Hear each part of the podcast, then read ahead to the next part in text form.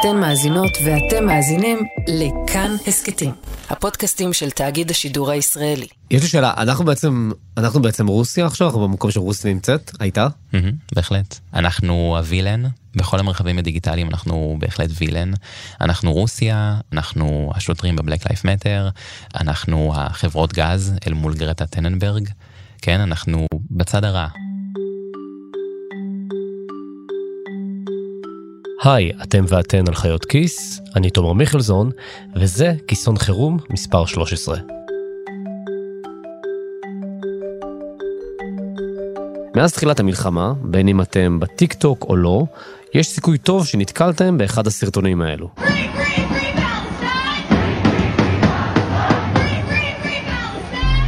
We have to start being honest with ourselves about what Israel is doing. It is unethical, it is unreasonable to refer to this genocide that is happening right now as a war against Hamas.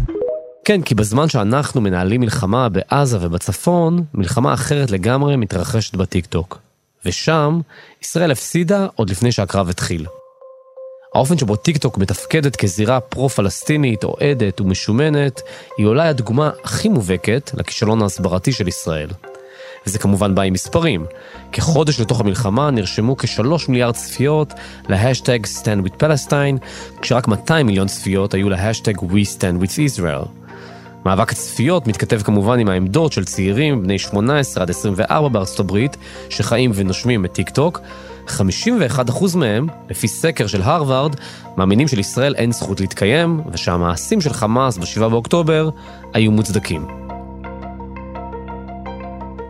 אז האם לישראל יש סיכוי בכלל במאבק הזה? כששואלים את טיקטוק היא אומרת שהיא בסך הכל משקפת מציאות ובה ישראל פחות פופולרית. וזה פשוט עניין מספרי. יש הרבה יותר תומכים של העמדה הפלסטינית בעולם. וזה נכון, אבל כשצוללים פנימה מגלים שיש עוד כמה פקטורים שמשפיעים, שצד אחד שולט בהם באופן ברור. אז השבוע, בכיסון החירום, ננסה להבין האם ישראל הפסידה מראש בקרב על הטיקטוק, האם זה נכון שהפלטפורמה עצמה מוטה ובעייתית, ומה אנחנו מפספסים שהפלסטינים עושים כל כך טוב. מי שחוקר את טיקטוק ברצינות בשנים האחרונות זה תום דיבון. היי, אני תום דיבון, אני חוקר אה, פלטפורמות מהמחלקה לתקשורת ועיתונאות באוניברסיטה העברית בירושלים, אה, ואני חוקר בדוקטורט שלי את אה, פלטפורמת טיק טוק. מה זה אומר כשאתה חוקר את הפלטפורמה של טיק טוק? מה, מה הכוונה? מה אתה חוקר שם בעצם? את טיק טוק אני חוקר באופן שבו משתמשים, עושים שימוש בשפה של הפלטפורמה. השפה זה אומר פרקטיקות ליצירת תוכן שטיק טוק מאפשרת בקרב קהילות של פלסטינים ו... ישראלים ויהודים מארצות הברית. פגשתי את תום כי רציתי להבין מה אנחנו כישראלים מפספסים בכל מה שקשור לטיק טוק. נראה לי שמה שאנחנו מתקשים באמת לקבל בהקשר של, של טיק טוק בפרט, אבל אני חושב שזה קשור לעוד פלטפורמות ולנוכחות של, של הקול הפלסטיני בפלטפורמות, זה שבניגוד למה שאנחנו תופסים במציאות, היחסי הכוחות שלנו במלחמה האמיתית מאוד ברורים לישראלים, כן? זה מאוד ברור שאנחנו, שאנחנו קול חזק יותר בהרבה היבטים, וה, ויחסי הכוחות האלה פשוט הפוכים לחלוטין בכל מה שקשור לזירה הדיגיטלית. בזירה הדיגיטלית הקול הפלסטיני הוא הקול המוגבר, הוא הקול החזק. ואני חושב שב...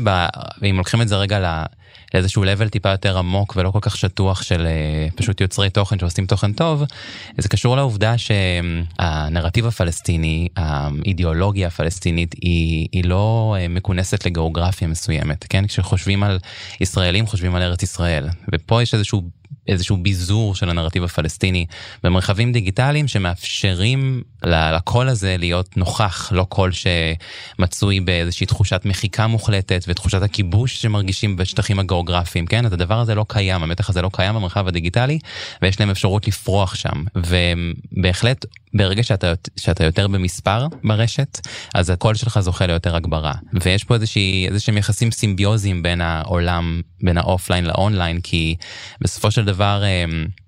ברגע שאנחנו בתוך מלחמה כזו שהיא בין, ה, בין ישראל לפלסטינים ופלסטינים בתפיסה העולמית לא בדיוק ברור מה הם, כן? אם זאת מדינה, אם זה צבא, אם זה יחידים, הדבר הזה הוא איזשהו נרטיב שנוי במחלוקת. זו תנועה, זאת אומרת איך שזה משתקף בטיקטוק זה משתקף כתנועה לשחרור, זאת אומרת תנועה עממית לשחרור, תנועה לזכויות אדם. אני חושב על שתי תנועות אה, דומות לתנועה הזאתי, אני חושב על התנועה של ה-Black Lives Matters, שיש גם קשרים מאוד הדוקים ביניהם, זאת אומרת אנחנו רואים את זה. אני חושב גם על ה-Me שזה קצת כאילו, יודע, כבר אני הולך איתך ל-2016-2017, זה עוד לפני הטיקטוק, שזה גם שתי תנועות ויראליות. דיגיטליות שאין להן מרחב אה, פיזי, אבל יש להן המון אה, המון השפעה. אתה רואה את ההתכתבות הזאת? כאילו לפחות Black Lives Matter זה, זה די ברור, לא? כן, הנרטיב הקורבני, המסגור שהולך באמת במשך שנים ארוכות כבר עם הסכסוך הישראלי פלסטיני של דוד וגוליית, הדבר הזה הוא מה שמחייב ונותן לגיטימציה לתנועה הפלסטינית להתקיים ברשת, כן? השיתוף פעולה הזה, אנחנו רואים את זה גם איך שזה זולג אל עבר הנוער המרכז האירופאי, כן? השיתוף פעולה עם הקורבן הוא מאוד חזק. זה נרטיב שהפלסטינים מזינים לתוכו וניזונים ממנו, והפרו-פלסטינים, שזה נאמר הנוער הבריטי, שכולנו תופסים את הראש ומשתגעים ממחאות הענק האלה והאמירות שקוראות לשחרור התנועה הפלסטינית, אמ, זה, זה הכל, הכל מקשה אחת, הכל חלק מנרטיב קורבני שהוא מעל המאבק הפלסטיני, הוא הולך אחורה אל ימים, אל ימים של אה, קולוניאליזם וכיבוש ואימפריאליזם, נכון? אז אנחנו רואים נוער שחובר אל הנרטיב הזה כי הוא מרגיש הדבר הנכון לעשות, הערכי יותר לעשות, כשמדובר בקבוצה שהיא מוחלשת, שהיא מדוכאת, שהיא... מה שאתה אומר עכשיו זה, זה טרנדים שהם, זאת אומרת, הדבר שאתה קורא לזה הטרנד הקורבני, זאת אומרת, זה טרנד בפיד, בטיקטוק שאתה, שמזהים, זאת אומרת, הנטייה לעבר עמדות קורבניות. וגם איך זה מתכתב למשל עם מחאת האקלים שהיא גם איכשהו מתחברת לסיפור הזה זאת אומרת אה, כן רואים את זה גם בטיקטוק במובן הזה שיש יותר השתתפות של אה, משתמשים מרחבי העולם ש, שאתה רואה אותם ואתה רואה איך הם ממהרים לקחת חלק לתפוס צד בכל הדבר הזה. ואפשר לזהות איזשהו קול שהוא מטה נרטיבי הוא מעל לסכסוך הישראלי פלסטיני והוא קול שמתנגד לסוכנים גדולים וגופים גדולים ש, אה, או כל אידיאולוגיה גדולה שמחרבת איזשהו היבט בעולם, כן? אם זה בבלק לייף מטר אז רצנו לגנות את הממסד ואת המשטרה ואת האלימות הדכנית של הממסד, ובמשבר האקלים אנחנו רצים לדכא את, אה, את חברות הגז ואת כל הסוכנים הרעים שמזהמים את העולם ומנצלים מנצלים אותנו בשביל לעשות את זה. ובסכסוך הזה לפלסטיני זה מאוד קל להתחבר אל עמדות כאלה של חזק וחלש, כן? יש פה צד שמצטייר ברשת כהצד המיליטנטי, הכוחני, הדכאני, שבעצם באופן דומה מאוד לקולוניאליזם הבריטי, באופן עקבי משתלט על אוכלוסייה ועל תנאי המחיה שלה, כן? זה ההיבט שמסתובב ברשתות שאנחנו מסרבים לקבל אותו. וכמובן יוצרי תוכן שהם חכמים מספיק ושהם מפוקחים, וזה שוב, אני חוזר על זה שיש יותר פלסטינים ופרו-פלסטינים שיודעים ליצור תוכן דיגיטלי אה, מאשר ישראלים, כי הנוכחות שלהם ברשת היא הרבה יותר גדולה, וכי שם יש להם את הקול המרכזי, בניגוד לישראלים. שאתה אומר שהנרטיב הקורבני הוא זה מטא נרטיב כזה שעובד תמיד חזק בטיק טוק, זאת אומרת, אה, עבד באוקראינה, עובד עכשיו. ועבד עם ה-Black Lives Matter ועובד עם ה-Me Too, כן, קורבן כאיזשהו סיפור דיגיטלי בשילוב של כלים של פלטפורמה שמאפשרת סיפור רב שכבתי רב חושי. הדבר הזה מנצח תודעתית תמיד ומספיק אה, שיטוט מהיר בטיקטוק של צה"ל או בטיקטוק הרשמי של ישראל כדי להבין שאין דגש על הסיפור הזה. אין. כלומר הכלפי חוץ הוא מאוד הפוך כן? זה, זה נורא נגיש כן? תחפש בטיקטוק ישראל ותמצא את העמוד הרשמי ותראה דגש באמת מדהים על חדות טכנולוגית ומיליטנטיות וגאווה בצבא ובהישגים.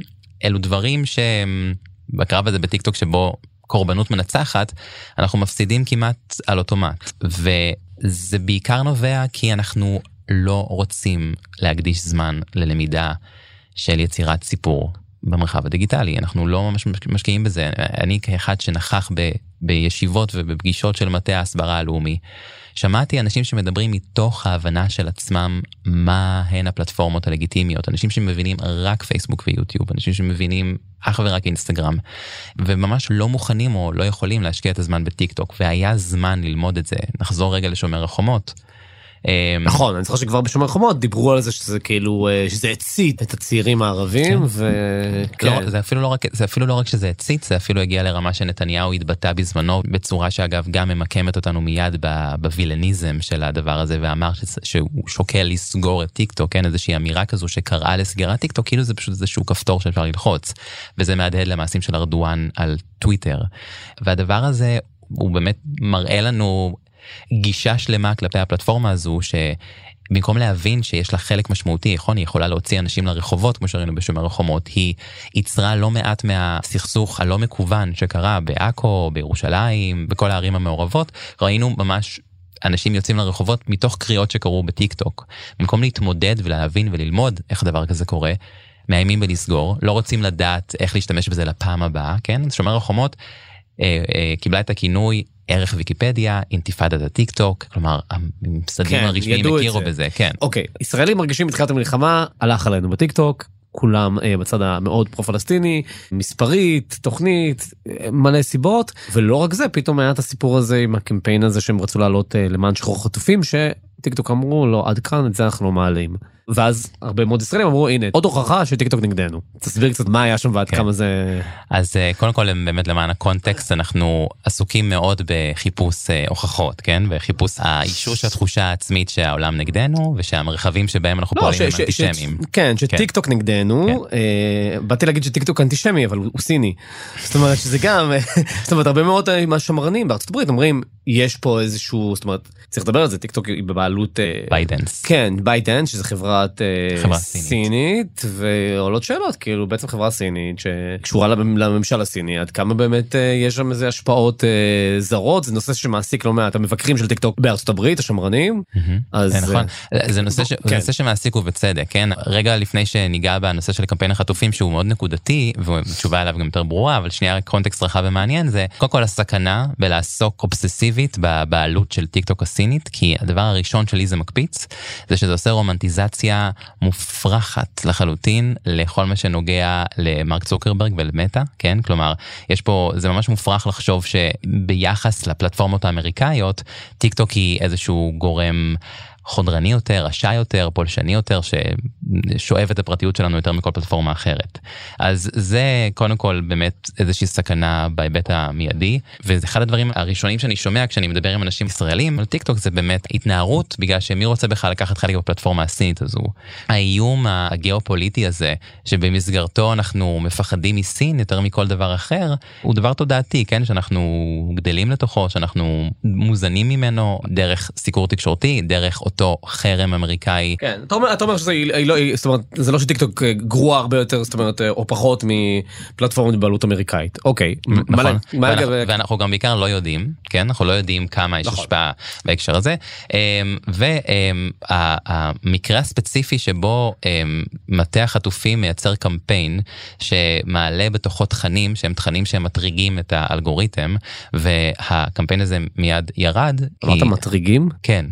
מה הכוונה? מ- אה, מטריגים במובן הזה שהאלגוריתם מוטרג מטריגרים מסוימים, אה, כלומר אוקיי, תוכן כן, מסוים, כן. אמ, ובמובן הזה אלמנטים מסוימים של התוכן שהפעילו את האלגוריתם, כן, בין אם זה זוועות או תכנים שיש בהם מן ההסתה, כל מיני דברים, כל מיני ניואנסים שהאלגוריתם בעקבות הדבר הזה מסיר או חוסם חשיפה.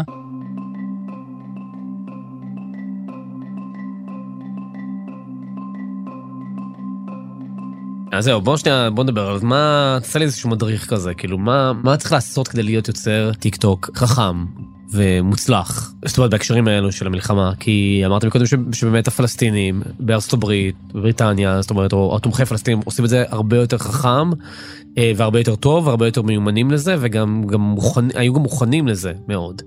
אז מה- צריך? מה אנחנו מפספסים פה בישראל?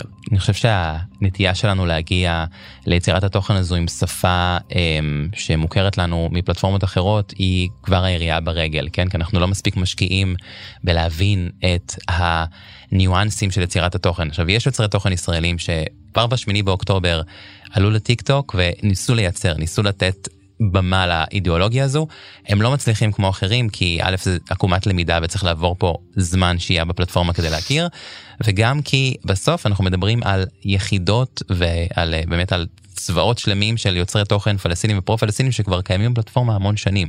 ולכן החשיפה שלהם כבר מדולפתת כבר מראש היא מגיעה עם איזשהו יתרון. ובאמת מי שמתעקש לעשות יצירת תוכן אינסטגרמית בתוך טיק טוק לא מצליח. עכשיו, הרעיון הוא באמת לדעת איפה לשזור בתוך הסרטון שלך את, את התכנים הקשים, כן? איפה, איפה למקם את הטריגרים האלגוריתמיים בצורה כזו שתוכל להימנע מצנזורה. אה, זה דברים שיוצרי תוכן מכירים אולי מפלטפורמות אחרות, אבל פחות בתוך ההיבטים הטיק-טוקיים.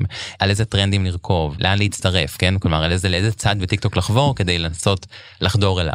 איזה טרנדים למשל עבדו חזק במלחמה? אה, אז אנחנו... אנחנו רואים שימושים בטמפלטים, טמפלטים בטיק טוק זה למשל אודיו אה, memes, שזה איזשהו קטע מוזיקלי שהפך להיות ויראלי מאוד, והוא לא בהכרח אה, קטע מוזיקלי שהוא שרוי באיזושהי אידיאולוגיה פוליטית, הוא יכול להיות גם מוזיקת פופ, אוקיי. אבל הוא פשוט פופולרי, ואז לקחת אותו, לשזור אותו לסרטון שלך בצורה חכמה, בצורה אה, סאטירית, או אפילו לא, אולי רצינית, לשזור אותו זה כבר איזשהו איתות לאלגוריתם של סרטון שעושה שימוש בתוכן טרנדי ולכן כדאי כדאי לי כאלגוריתם לשים לב אליו ואולי להגביר אותו.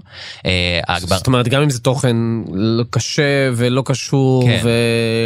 זה אבל אבל האודיו הוא טרנדי נכון אוקיי. וראינו את זה גם בהמון סרטונים של חיילים רוקדים אחד הדברים שמאוד בלטו לפחות באיסוף תוכן שאני מייצר זה אה, לראות איך סרטוני סרטונים החיילים הרוקדים עוברים מניפולציה על ידי יוצרי תוכן פלסטינים ופרו פלסטינים בטיק טוק ואחד הדברים הבולטים זה שהחיילים הרוקדים האלה קודם כל הוצבו אל מול תמונות צבאות מעזה כלומר היה איזשהו אה, איזושהי הצמדה וזה נעשה גם בשימוש בפיצ'רים של הפלטפורמה כי הפלטפורמה למשל מאפשרת לך לקחת סרטון קיים ולייצר איתו דיאלוג זה נקרא סטיץ' או דואט כן. אתה יכול בצורה טכנית לייצר איזשהו דיאלוג עם סרטון ורק השימוש הטכני עצמו הזה הוא כבר נקודת זכות באלגוריתם. טיק טוק נותנת ממתקים בצורת חשיפה לאלה שעושים שימוש בפיצ'רים של הפלטפורמה אז רק מזה שלקחת את הסרטון אה, והעברת אותו בסטיץ' או בדואט כבר הרווחת.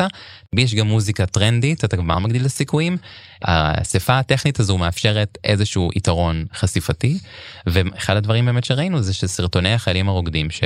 מרבית הגופים ההסברתיים בישראל לא יודעים את זה. הם באופן עקבי מנוצלים אל איזשהו סוג של הבלטת הנרטיב הזה של דוד מול גוליית, החזק מול החלש, כן? הם רוקדים בבסיסים. זאת אומרת לחיילים תפסיקו לרקוד. לא, אז זהו. אל תרקדו.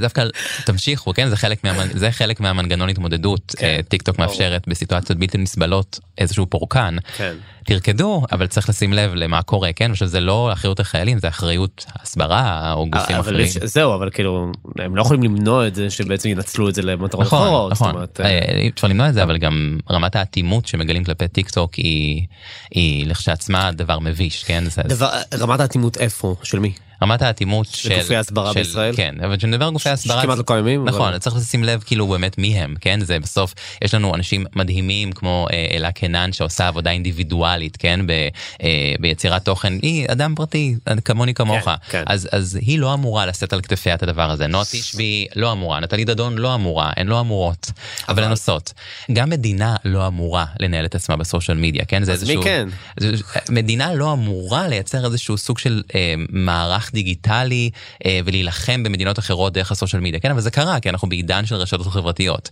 אבל אז אם כבר אנחנו במצב הזה אז יש מטה הסברה לאומי שהוא לכאורה מוכרז כהגוף שאמור להשתלט על הנרטיב או לייצר אחד כזה והוא מנוהל בידי אנשים שחיים באינסטגרם. אולי זאת הכשרה שצריך להעביר לאנשים, זאת אומרת, כן. ל... זה, זה, זה, זה, אנחנו מציעים את זה כאיזשהו רעיון עם חצי חיוך, אבל זה הדבר הכי בסיסי לעשות, זה לפחות בזמן המלחמה לתת לאנשים כמו אלה קנן. וזה... לא. מעבר אני אומר, לא, לא רק הם, בכלל, הכשרה יותר רחבה, לא יודע, למלא צעירים, לא כמה עשרות של עשרות מאות צעירים שהם כבר בטיקטוק, זאת אומרת, לתת להם את הכלים, לא יודע, לייצר תוכן כן. יותר יעיל. למשל ביידן לקח קבוצה של משפיענים באופן שמגיע להם, שילם לשלם להם לא מעט כסף ועבדו איתם על יצירת תוכן פוליטי אמריקאי כן כחלק מהמטרות של הממשל האמריקאי לייצר איזשהו שינוי תודעתי עבדו עם משפיענים כלומר הממסד וואלה. מכיר בהם הממסד רוצה לחבק אותם, אה, אה, רוצה להשתמש בהם, משלם להם כראוי כמו שצריך, ועושה הסברה דרכם. זה אפשרי, כן? פשוט צריך להקדיש לזה משאבים, אבל כשאנחנו במלחמת פתע, אין לנו הרבה זמן להיערך. כן, אבל אתה אומר זה לא כזה פתע, זאת אומרת, כי כבר בשומר חומות הבנו את זה, ולא, זאת אומרת...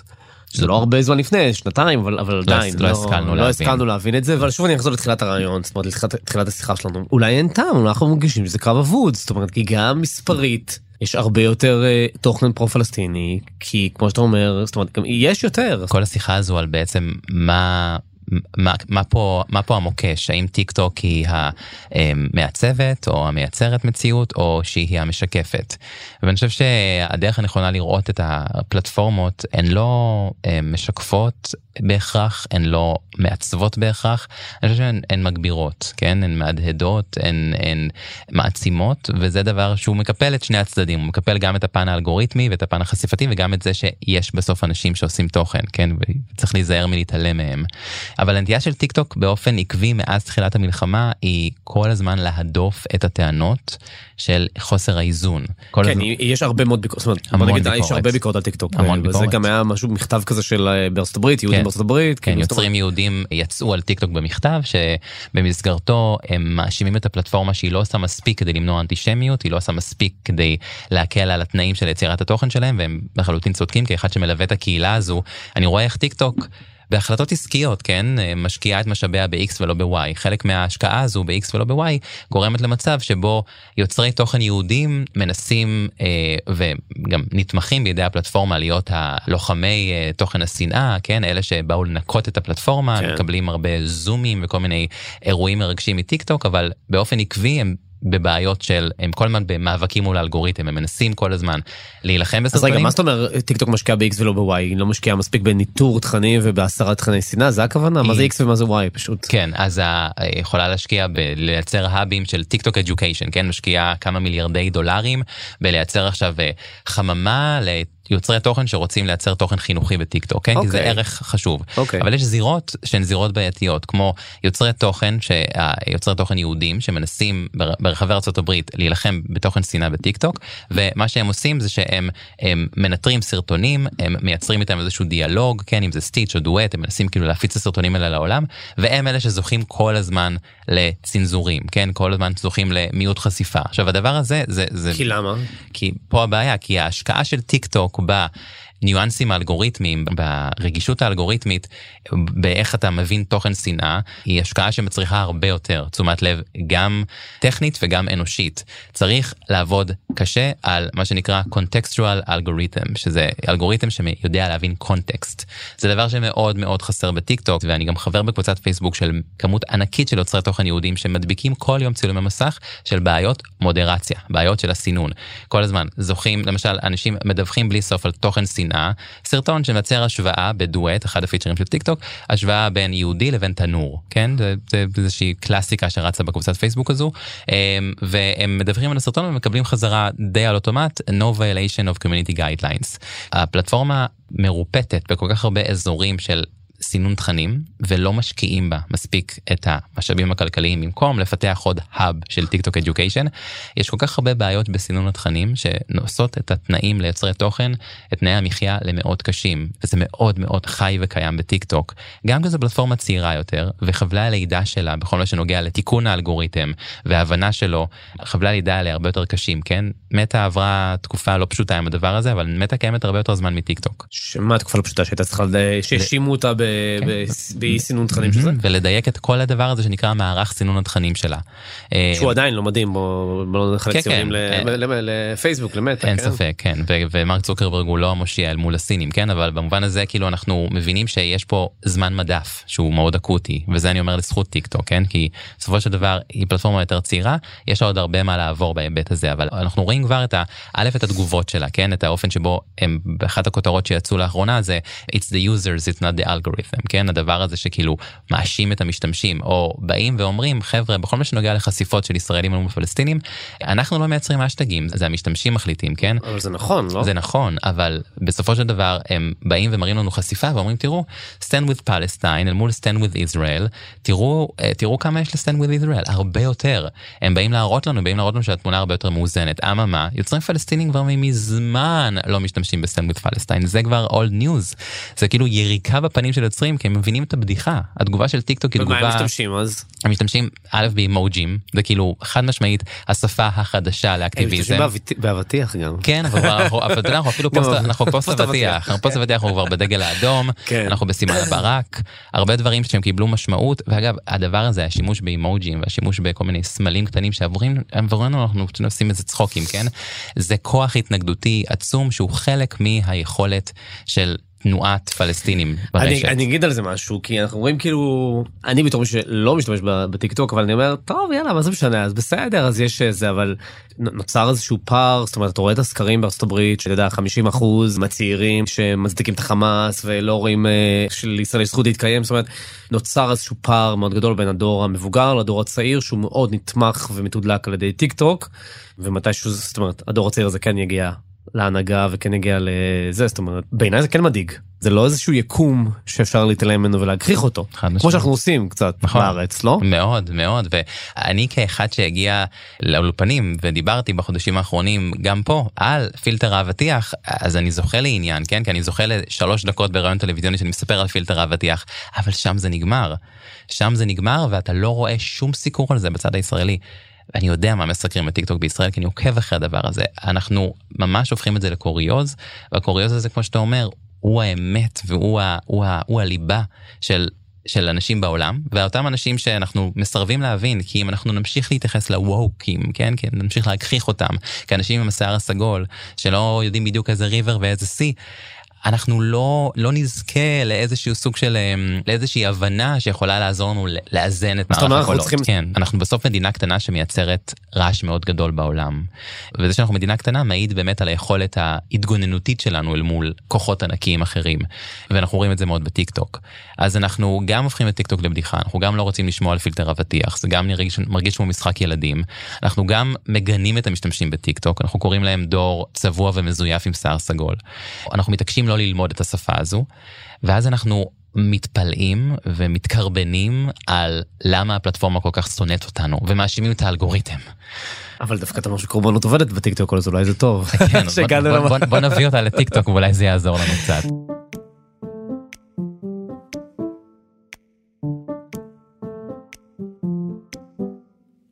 עד כמה בעצם הצד הפרו פלסטיני היה מוכן לשבעה באוקטובר? כי היו טענות שכאילו בעצם אני לא אכנס להם מה ידעו ולא ידעו אבל כאילו המתקפה הרשתית בעיקר בטיקטוק התחילה נורא מהר. זאת אומרת אתה שמעת על זה על איזושהי מוכנות כזאת אה, אה, עם טמפלייטים וזה? זאת אומרת כן, אז מה שראיתי עוד בשבעה באוקטובר, כבר לקראת שעות הערב, קפצתי ב-for you, כי הצד שלי של טיק טוק הוא הצד של ההתנגדות הפלסטינית, כן, כחוקר של יוצרי תוכן פלסטינים, אני מיד זיהיתי טמפלטים שאני מכיר משומר החומות, אז ראיתי למשל את אה, מוי זיין, שהוא ראפר לבנוני, ש...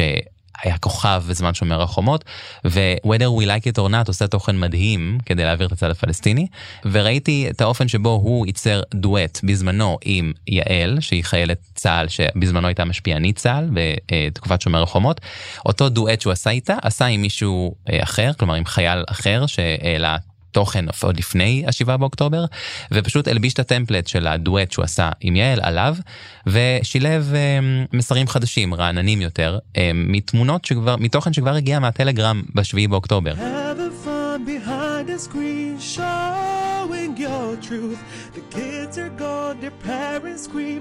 Why to bother? You were armed and feared. כן. מה מה הוא אמר ולמה הוא יוצר תוכן כזה מדהים מה הוא עשה בערב של שבעה- שבעה באוקטובר מה הוא כבר צריך להגיד אה, שכאילו הוא יכול לצדד. בצד הפלסטיני. הוא יוצר תוכן מדהים כי הוא קשוב, כן? כי הוא קשוב לרכשים של העולם שבחוץ. הוא מבין מה קורה, גם הוא כמוני וכמוך מבין. מה שאנחנו משדרים עוקב אחרי רשתות נוספות כמו טלגרם, שאגב, גם היא מככבת בשפה או בשיחה הישראלית הנוכחית כעוד פלטפורמה שאה וואו היא קיימת, כן. היא לא רק טלגראס, היא גם טלגרם, ואנחנו מבינים היטב שיש שם תוכן שיוצרי תוכן בטיקטוק עושים שימוש בחומר גלם הוויזואלי שרץ שם. ומוי זן הוא דוגמה לפרופיל של מיליונים, כן? הוא דוגמה מדהימה לזה.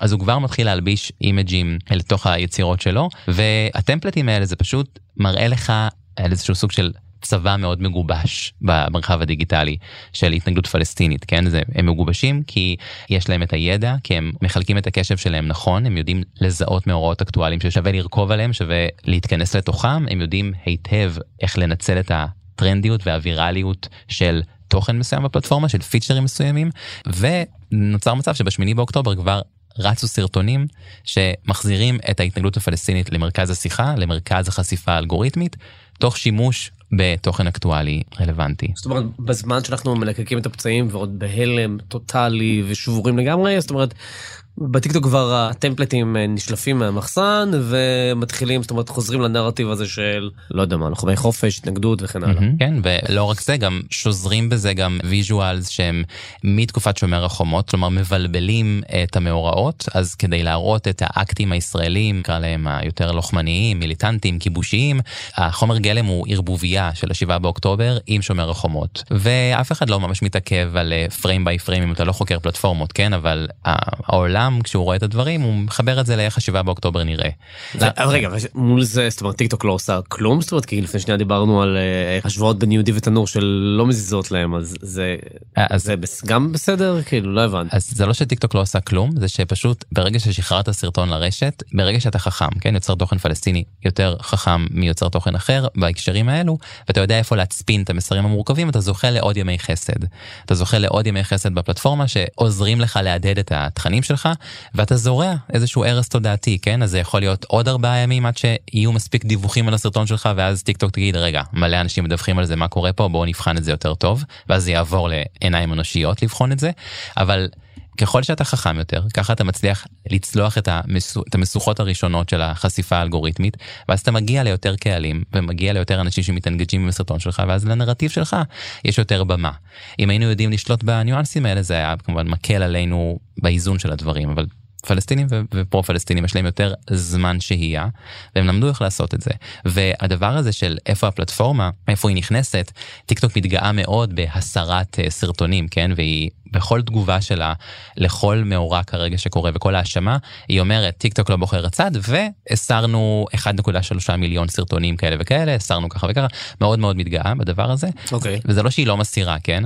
אבל הפרקטיקות החכמות האלה, כמו למשל, הטמעה והצפנה של מסרי התנגדות בתוך makeup tutorials, כן? זה אחד הדברים שהם לא הומצאו בטיק טוק, זה עוד מגיע אלינו מיוטיוב, אבל אף לא יוצרת תוכן, אולי ראיתי כבר ניצנים של יוצרי תוכן ישראליות שעושות את זה עכשיו טיפה יותר, אבל אבל כמות היוצרות תוכן הפלסטיניות או הפרו-פלסטיניות שעושות makeup tutorial ובעצם מסמנות לאלגוריתם. רגע, מה makeup tutorial מסבירה לנו איך, לא יודע, לשזור פרחים ותוך כדי אומרת אה, שחררו את פלסטין מהים לנהר? makeup tutorial אומרת איך שמים מסקרה יותר מאשר לשזור פרחים, אבל אוקיי, כן. אני אה, הלכתי למקומות רומנטיים, כן. כן, אבל כן, אז זה מסבירה לנו על המסקרה החדשה. בעצם זו איזושהי אסתטיקה שהאלגוריתם רשם אותה ומזהה אותה כ legit, כן? כלומר makeup tutorial, זה שום דבר בעייתי. ואז מה שהן עושות, וזה היה פשוט מדהים כמויות הסרטונים האלה, הן פשוט מציגות כרטיסיות שמספרות את הסיפור של ישראל אל מול פלסטין. והן עושות את זה כדי להתחמק מהאלגוריתם, כדי כן, שלא יסננו כן. אותם כתוכן, סליחה, שמה? שתוכן שמסית, מעודד לאלימות, מסיע דיסאינפורמציה וכו'. I am back with another awesome makeup tutorial for you guys. I'm really excited that you're here. And we have some major blue serum company tea to discuss today. אז בעצם אתה מקבל סרטון של יוצרת תוכן ששמה את השימר ואת הקונסילר, ועל הדרך חושפת מותגים שעובדת איתם, והיא בעצם בדיבור שלה, כדי שהאלגוריתם לא יזהה, מספרת על, על, על המוצרים האלו, ויש לך שלוש וחצי דקות של כרטיסיות מתחלפות על הנרטיב הפלסטיני. הדבר הזה זוכה להמון זמן מסך, עד שחוקרים כמוני, יוצרי תוכן אחרים, מזהים את הסרטונים האלו, מבינים את המורכבות שלהם, יכולים לדווח, יכולים, יש כל מיני אפשרויות של report, וגם זה תוך כמה ימים טיק טוק עושים, עושים review לסרטונים כאלה עד שבעה ימי עסקים כאילו אנחנו מדברים על ביטוח לאומי. אה, תום המון המון תודה תודה שבאת. תודה רבה. אתם ואתן האזנתם לחיות כיס ההסכת הכלכלי של כאן. עורכת הסאונד שלנו היא רותם דויטשר, המפיקה שלנו היא לי צדוק, בצוות חיות כיס תוכלו למצוא גם את אלונה מיצי, צליל אברהם ושלום סטרדמסקי, אני תומר מיכלזון, תודה רבה שהאזנתם.